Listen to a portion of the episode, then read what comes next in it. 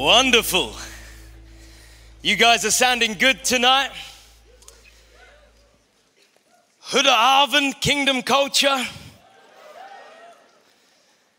I've been coming to your nation for many years, and I said last week at the Opwekking conference that my Dutch gets worse every single year. I promise you, I am practicing. One day I'll be able to say more than Hudemagen. Is that even a word? You know, I do a lot over here, a lot of preaching and speaking. And last weekend I was in Opwekking. This morning I was in Emmen. And tonight I'm in Groningen.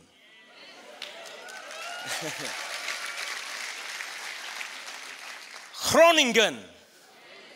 I've been working on, you know, the throat thing. you know, I first met Mark, Pastor Mark, in 2008. And we've been good friends ever since. I can't believe we've known each other for 15 years now, and I know I'm still looking young. Mark's looking good too. But you know, I've got to know Christina in recent years and Pastor Ariane too. And you know, you have some tremendous leaders in this church.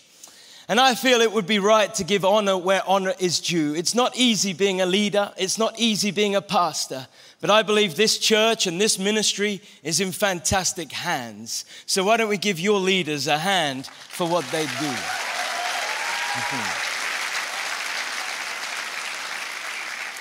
well, it's been three years since I was last back with you because of COVID, and since then, my family has expanded we had another miracle child.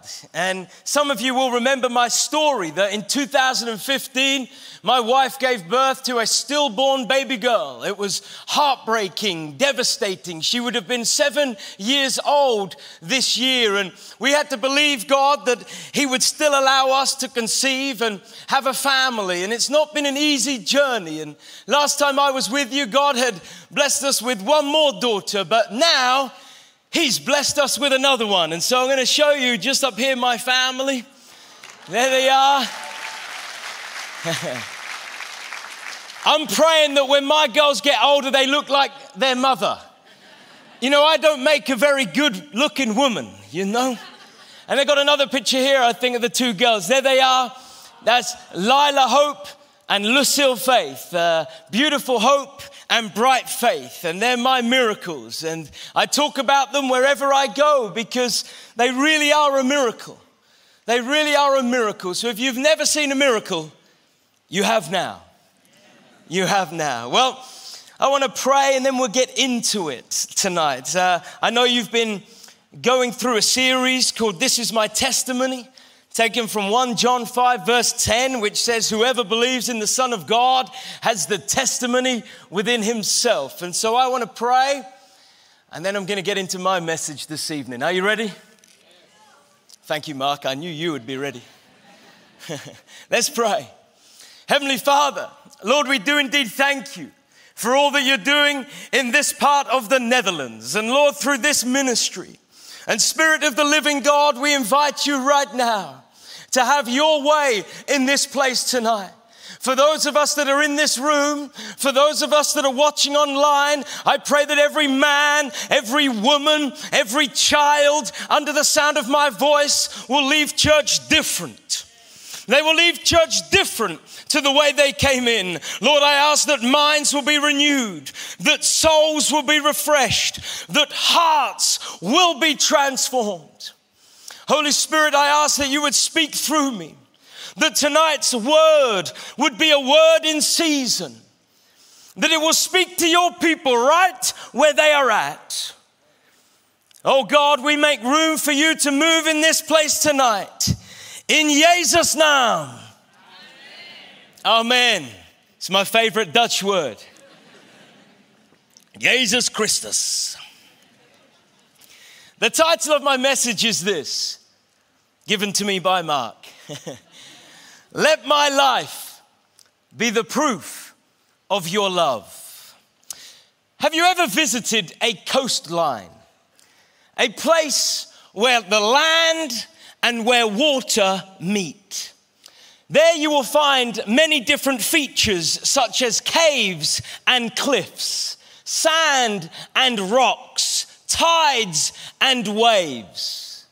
Depending on what sort of coastline it is, you may also find something called a lighthouse situated there.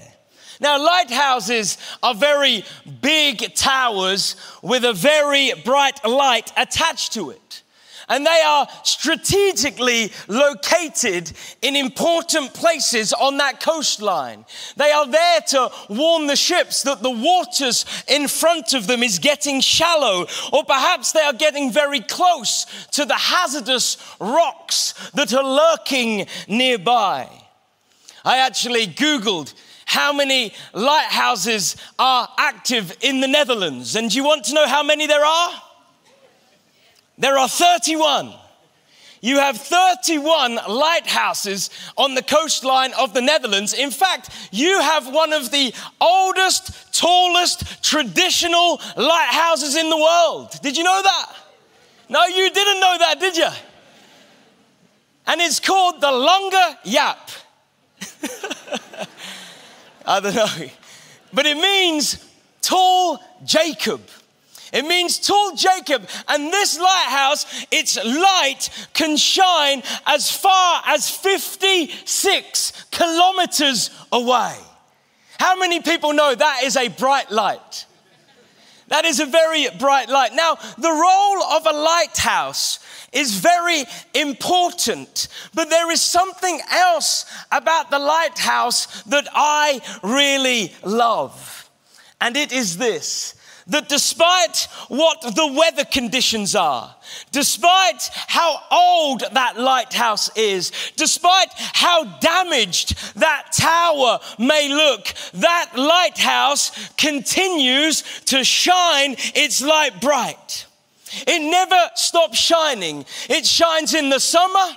It shines in the spring, it shines in the autumn, it shines in the winter. This lighthouse never stops shining. Now I'm going to come back to my lighthouse, the, the Lange Jaap, in just a moment. But before I do this, I want to ask you a few questions. You see, I wonder if you have ever been written off told that you will not make it, labeled a failure in one way or another. I would suggest that a room this size that many of us had. For some of us, the odds have been stacked against you right from when you were born. When you were young, you were told that you were a mistake, that you would never do anything with your life, that the people who were born where you are born never succeed. And perhaps over the years, you have believed that lie. Or perhaps for others in here, you started out okay. Life was going well for you, but you hit some opposition along the way. Your light, your light used to shine bright, but, but due to the opposition, due to the hurdles that you have had to jump, that light which once shone bright has now gone dim. And perhaps that light has gone dim is because those people who were once cheering you on now ignore you. Or perhaps that dream you had, the dream you thought you'd be living in right now, still seems to evade itself. Or maybe you have faced rejection after rejection or setback after setback, and now you doubt yourself. You've thrown away your confidence. You don't need anyone else to write you off because you've written yourself off. Oh, if you have had any of those thoughts, I am glad that you are in church tonight. because I have come here to encourage someone. To encourage somebody. You see, despite what you think about yourself, or despite what other people may say about you, I know that there is a God in heaven who still loves you, who wants to use you, who has a great plan for your life. And throughout the Bible, from the Old Testament through the New Testament, we see this. We see God using damaged, flawed, broken, messed up people. We see God take a hold of their lives and they go off and do something radical with the time that they have left here on earth. Oh, I'm getting excited tonight. I haven't even started. you know, there's many people I could talk to you about in this scenario, in this instance in the Bible. But I want to teach you this evening from the passage of Mark chapter 5. And it is about a man a broken man that would encounter Jesus' love, receive his healing, and go on his way completely transformed. In fact, this man would go forth and end up transforming the lives of many other people. You see, friend, whether you know it or not, Christ loves you. And he has called each and every one of you to shine your light bright for him. And so I want to give you three proofs, three pieces of evidence that establishes that your life, your life is the proof of his love. Here we go. Number one. Let me read to you the story first, actually, Mark 5. Now, it's quite a long story, and so I'm going to read, read it to you in English, some of it, and then they're going to put some of it up on the big kingdom culture Dutch, the Netherlands, the Holland Bible. That's a big Bible, isn't it? So you can read it in Dutch and, and, I'll read it in English and, and then we'll go from there. It says this in Mark chapter 5, verse 1. It says, They went across the lake to the region of the Gerasenes. Now, this is Jesus and his disciples. And I need to tell you that in the previous chapter, on this voyage on that boat, they have just sailed through a storm and Jesus has calmed the storm. And so this is where we arrive. They, they sail through and they get to this region of Gerasenes. When Jesus got out of the boat, a man with an impure spirit came from the tombs. Hmm. The tombs to meet him. This man lived in the tombs and no one could bind him anymore, not even with a chain. Verse 5 goes on to say that night and day among the tombs, this man in the hills would cry out and cut himself with stones says in verse 6 when he saw Jesus from a distance, he ran, he fell to his knees uh, in front of Jesus, and he shouted at the top of his voice, What do you want with me, Jesus, Son of the Most High God? In God's name, do not torture me. For Jesus had said to this man, Come out of this man, you impure spirit. Then Jesus asked him, What is your name? My name is Legion, he replied, for we are many. And he begged Jesus again and again not to send them out of the area. Now, as the story goes on, we see that Jesus heals this man, and the whole town hears what happens, and, and they come down to this place where Jesus had just performed this incredible miracle. And it goes on to say in verse 15 that when the town came to Jesus, they saw the man that had been possessed by demons sitting there, dressed and in his right mind. He was now in his right mind. And then it goes on to say in verse 20 that as Jesus, after finishing that miracle, he gets in the boat and the demon possessed man begged Jesus, Please, can I come with you? But Jesus said to him, Go home. Go tell your own people what the Lord has done for you and how much God has done for you.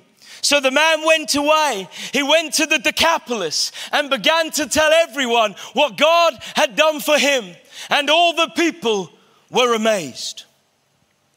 It is an incredible story. And so, out of this story, I want to give you these three proofs of his love. The first is this number one, is that Christ, Jesus, will always go out of his way for you. He will always go out of his way for you. Having sailed across the, the, this lake and encountered a storm along the way, his feet touched down on the shoreline of Gerasenes, and the Bible says that this man instantly starts making his way to Jesus. Now, Jesus hasn't had time to collect his bags from baggage arrivals. He hasn't had time to take a sip on his Douwe Egberts coffee. Or his uh, cookie. Is that, is that a cookie? A chocolate chip cookie. Uh, I just like how it sounds. He hasn't had time to do any of that when this man starts running towards him.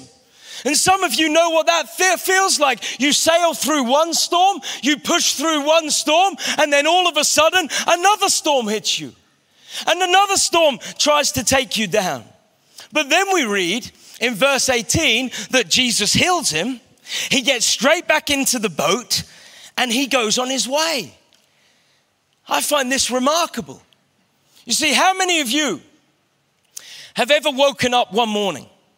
You've gathered your friends together and you decide, we're gonna fly to London today. And so you make your way to Schiphol Airport. You get on the plane, you take off. You hit some really bad turbulence along the way. I mean, you encounter a bad storm, but you make it. The plane touches down. You get out of the plane. But the moment you get off the plane, someone comes towards you in tears. They're crying. They're in pain. They're, they're hurting. And so, so you pray for them. You encourage them. You help them. You give them everything you can to help that person. That person then turns around, goes on their way happy. And then you, you don't even leave the airport. You turn straight back around, you go back through security, and you get back on the next plane, back to Amsterdam, and then drive all the way back to Groningen and say, Fantastic, what a great day I had. See, I don't think many of you would have done that before. But this is what Jesus is teaching us here that He will go to any length, He will go to any length to meet you exactly where you're at. He could have stayed on that other place. There would have been people in that place that needed his healing. There would have been other people in that place with similar, similar issues to this man. But he knew he had to get to this man. You see, that's the length that Christ will go to. Talking of flying, my dad, my father, he hates flying. Does anyone else hate flying? Give me a wave if you hate flying. Wow, not one, one person. I'll pray for you after the service. But my dad, he hates flying and has done all of his life. Just the thought of it turns his stomach. I mean, my dad would quite happily never fly again.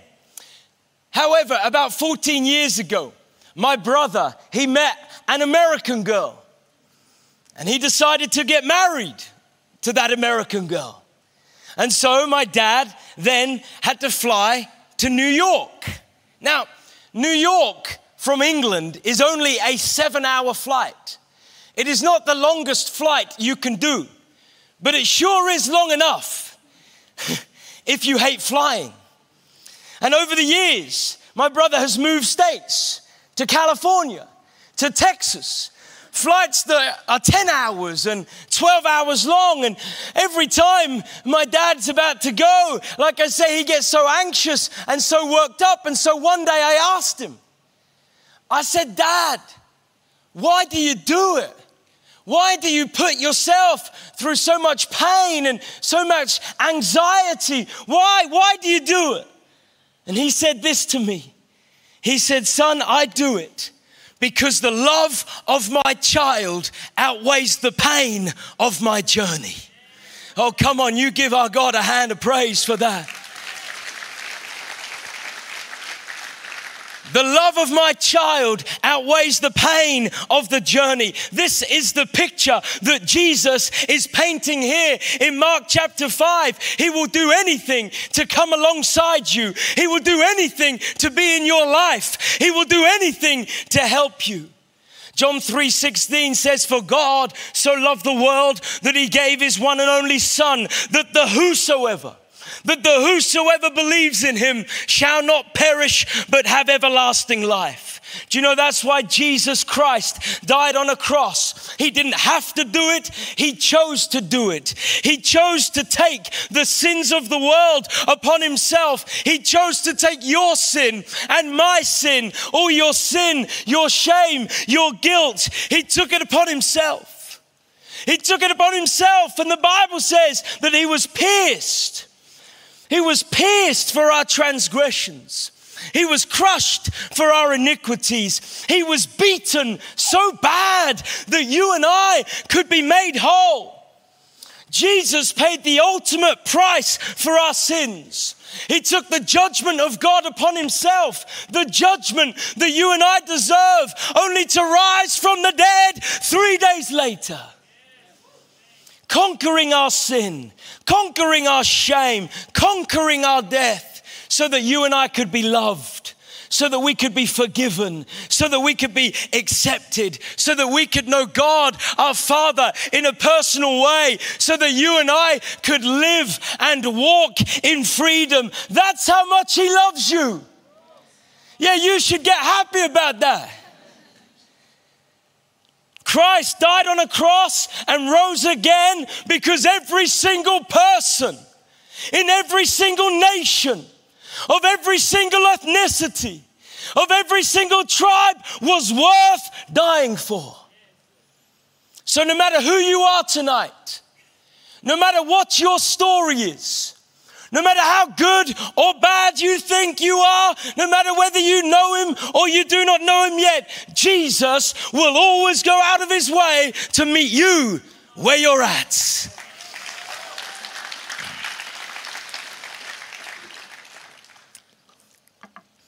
I told Opwekking last weekend that sometimes I get a little bit loud. and I preach in many different churches, some very traditional. And a couple of months ago, I was preaching in a very large and a very old Church of England church. And you know, I was shouting, I was sweating, I was even spitting. You know, I was getting excited.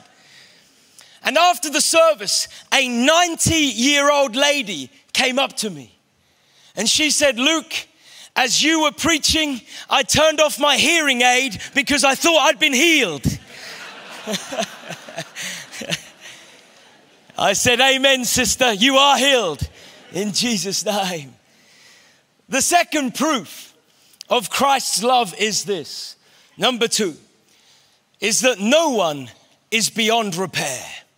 No one is beyond repair. Have you ever owned something that is beyond repair? What use is a watch if it cannot tell the time? What use is your phone if you cannot make a call? What use is your bicycle? Oh, I know this is going to get some of you. if you cannot ride your bicycle, I know that's painful news for the Dutch. I'm sorry, I'm sorry. You see, when something is beyond repair, it is deemed a write off. It is surplus to requirements. If it has no use, it therefore has no value. You see, here we have a man that was viewed just like this. The whole community considered this man an outcast.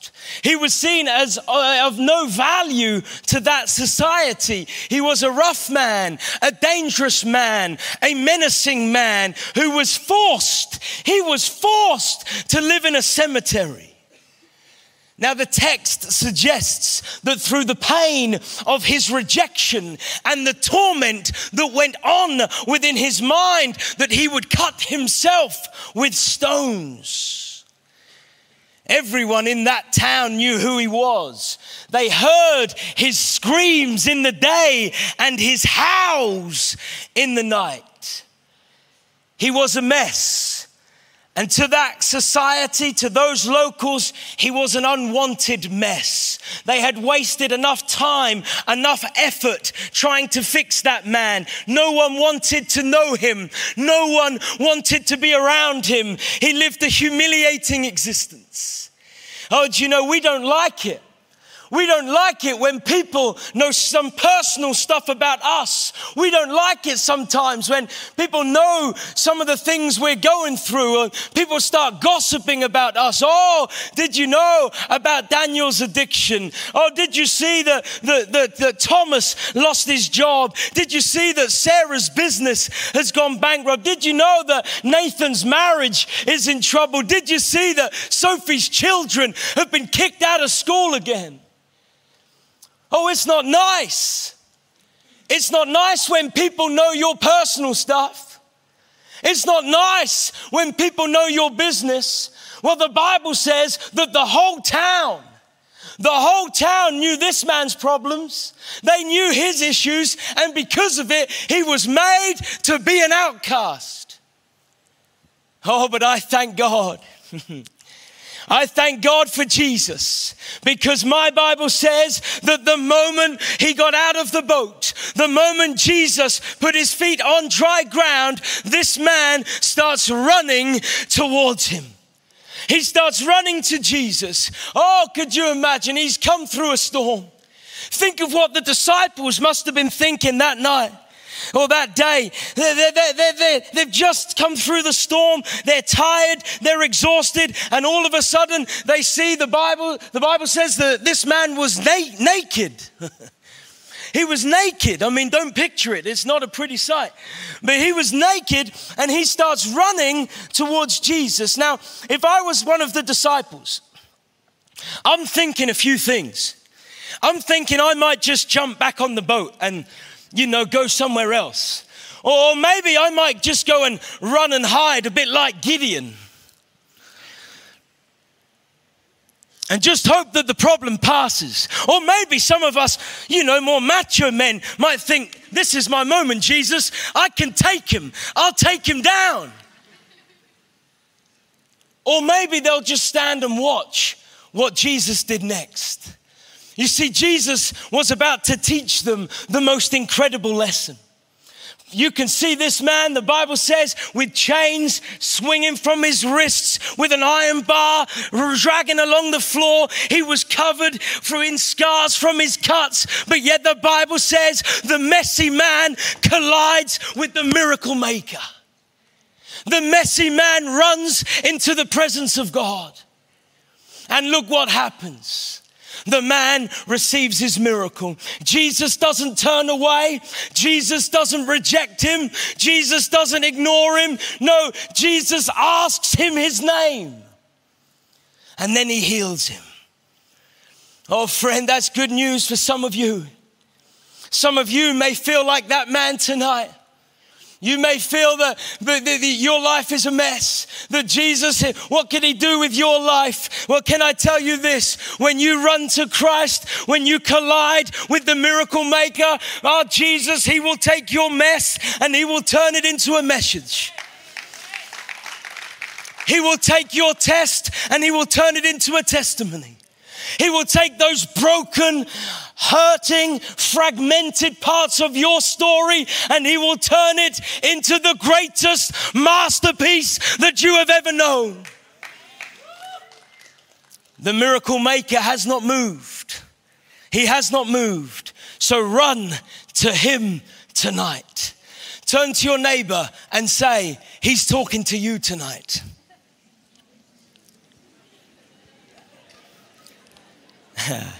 now turn to your least favorite neighbor. oh, and say, hey, he's talking to you as well.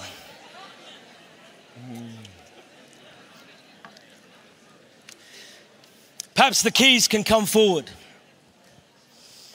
My third and final proof of his love is this number three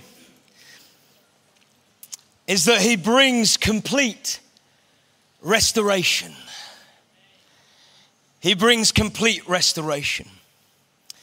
I find it quite striking in this story that due to this man's condition, he was forced to live in a cemetery, a graveyard.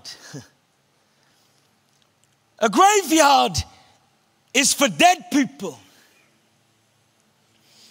There is no life at a graveyard. Not many people I know choose to live among the tombs. You go there to visit, to pay your respects, to lay flowers, but not to live. A graveyard can be a cold place, an eerie place, a painful place, an emotional place, a reflectful place. Graveyards stir up memories, and this man lived there. He lived in that place. His friends were the tombstones. He lived with the dead because his existence was as good as dead. This man had nothing. He had nothing to live for and nothing to die for. You see, I want you to understand tonight just how desperate this man's situation was. Yet it says in Mark 15, it says that the reject, the write off, the misfit, is now sitting there dressed and in his right mind. he is now unrecognizable. Why? Because one moment with Jesus broke the chains that had held him for a lifetime. And I'm not talking about those physical chains around his wrists and ankles.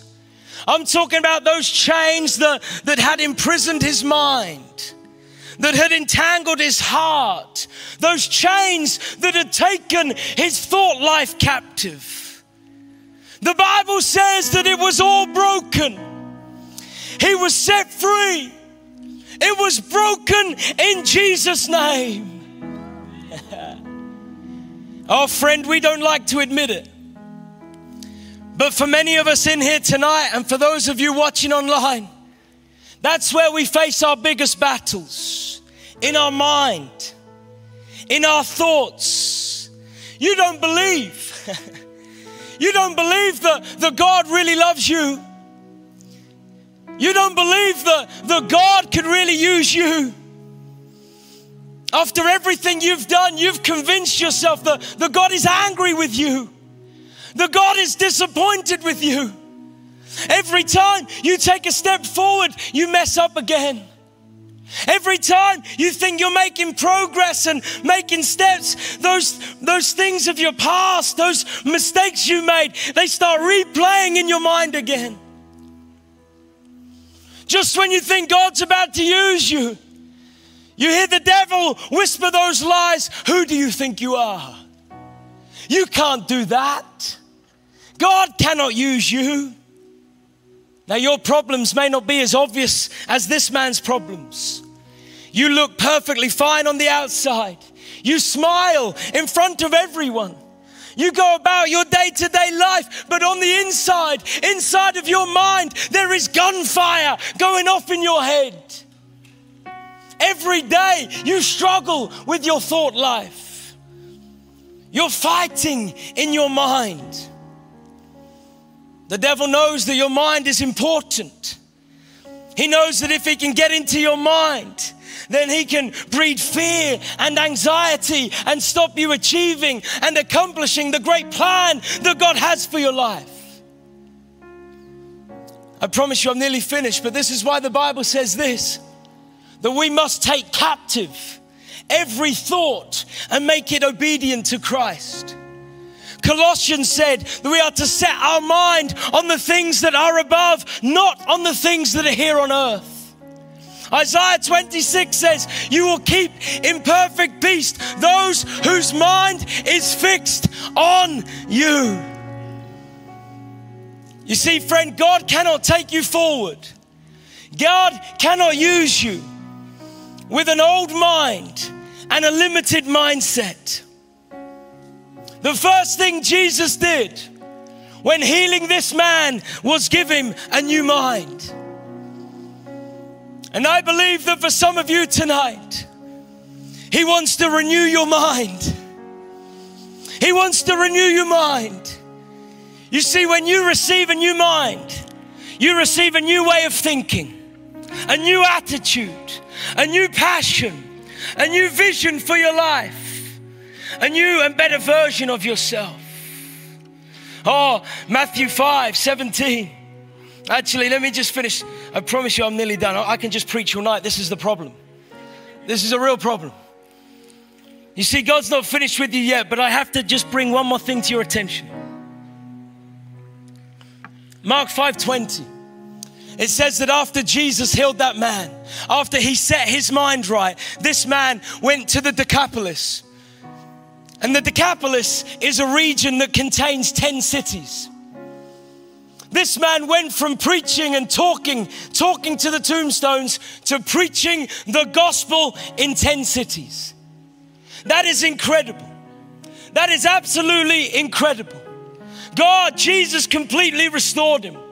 He gave him a new mind, a new purpose, and a new voice. No one else could have seen this man going on to live the life that he did, but Jesus did. No one else could have seen this man being used by God, but Jesus did. I came all the way from England to tell you this tonight that people may not believe in you, but Jesus does. You may not believe in yourself, but Jesus does. You may not see a way forward in your life, but Jesus does. You have been called to shine your light for Him. Matthew 5 16 says, Let your light shine before others that they may see your good deeds and glorify your Father in heaven. Do you know if this misfit, broken man can be used by God to tell people about Jesus, then so can you. I started my message telling you a story about the lighthouse. And what I love about the lighthouse, how it stands strong, how it stands tall. And I want to encourage you to do the same. That when the storms of life start crashing against you, when things start pulling you down, you need to stand up. You need to stand tall. You need to stand strong in the knowledge that the light of Christ is in you that the love of Christ is for you. Do not let, do not let your light go out. I'm telling you tonight, come on, band, let's get ready to sing. Do not let your light go out. The Bible says that as a Christian, the light of Christ shines brightly in you. It is a light with tremendous power.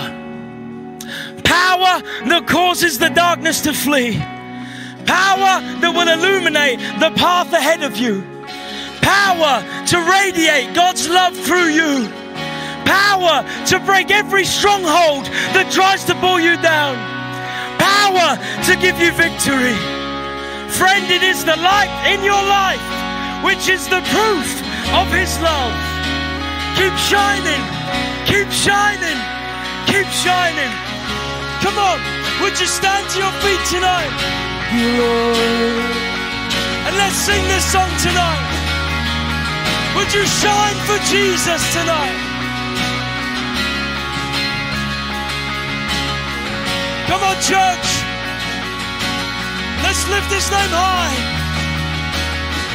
Let's shine our lights. Come on, man, let's sing. Come on. Open up my eyes to the things I see. Come on, Kingdom Culture, lift your hands. Lift your hands in this place.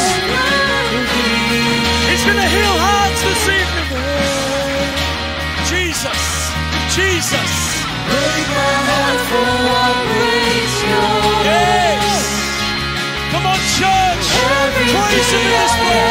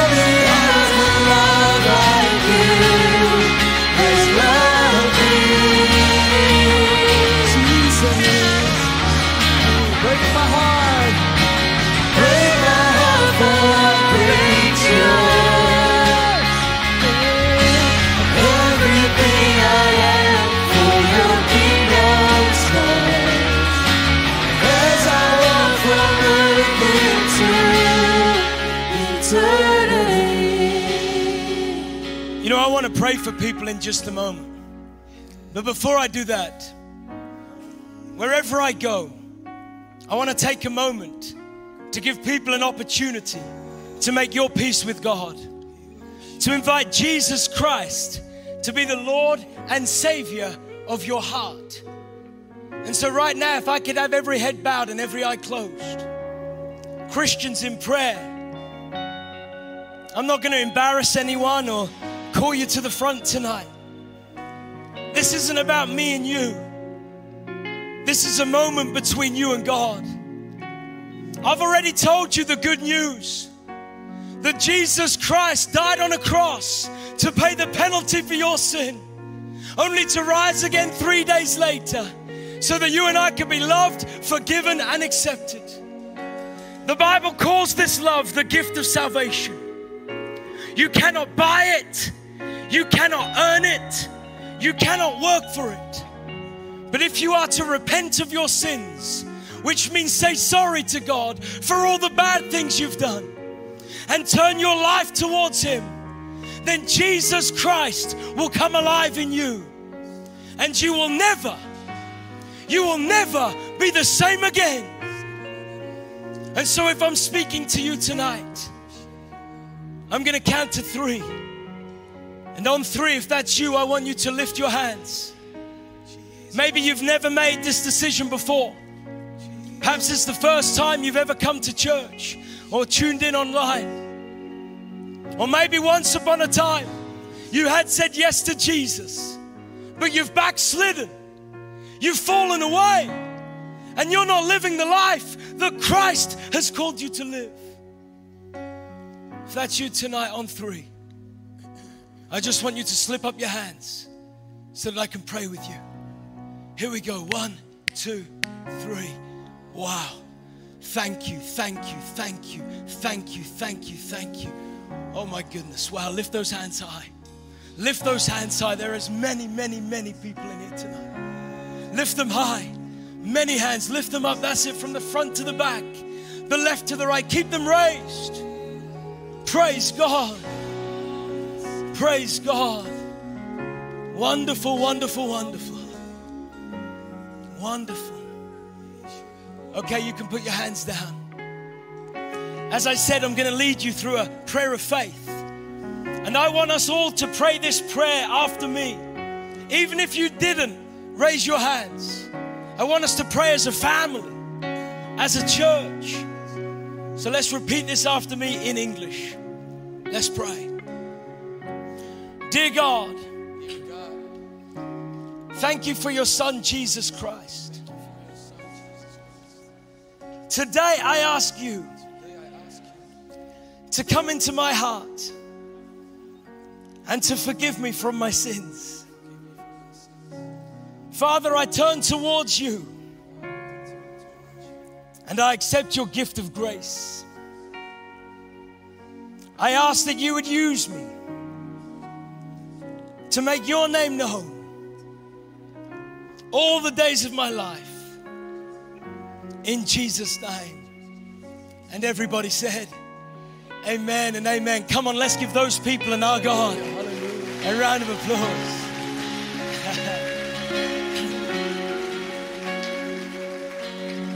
you know, I love preaching the gospel, but my favorite part of any sermon I get to preach is always that bit right there when people say yes to Jesus. Because the Bible says that right now there is a party going on in heaven because of that decision. And I know how much the Dutch people love to party. But this party is on a whole new level. You know, we're going to go back into that song again. But before we do, I want to pray for you. And I know there's going to be a ministry team over here that are going to pray for people as well. But I know I've covered a lot of things tonight. And I've spoken about things that have probably touched you or moved you, challenged you. But when I was preparing this message this week, I had no idea what the band were going to sing at the end there. But I truly believed that God was going to heal hearts, and God was going to heal minds. That old mindsets were going to be broken that that baggage, some of that pain, some of that rejection, some of that hurt that you've been dragging around, a bit like that man, you know that know, with on the with the iron bars on his feet. I believe tonight that God wants to cut those chains free, that He wants to set you free. He wants to do something with your mind and set you on a new course. You see, the Bible says that when we come to Him, He makes us a new creation. And so, as we sing this song again, if you want prayer, can I encourage you to make your way over to the cross and meet with Jesus tonight? Run, run to the miracle maker. Collide with Jesus this evening. Do not leave this place until you get your miracle. Jesus has gone out of his way to be here tonight. Lift your hands high right now. Lift your hands. Lift your hands and let me pray.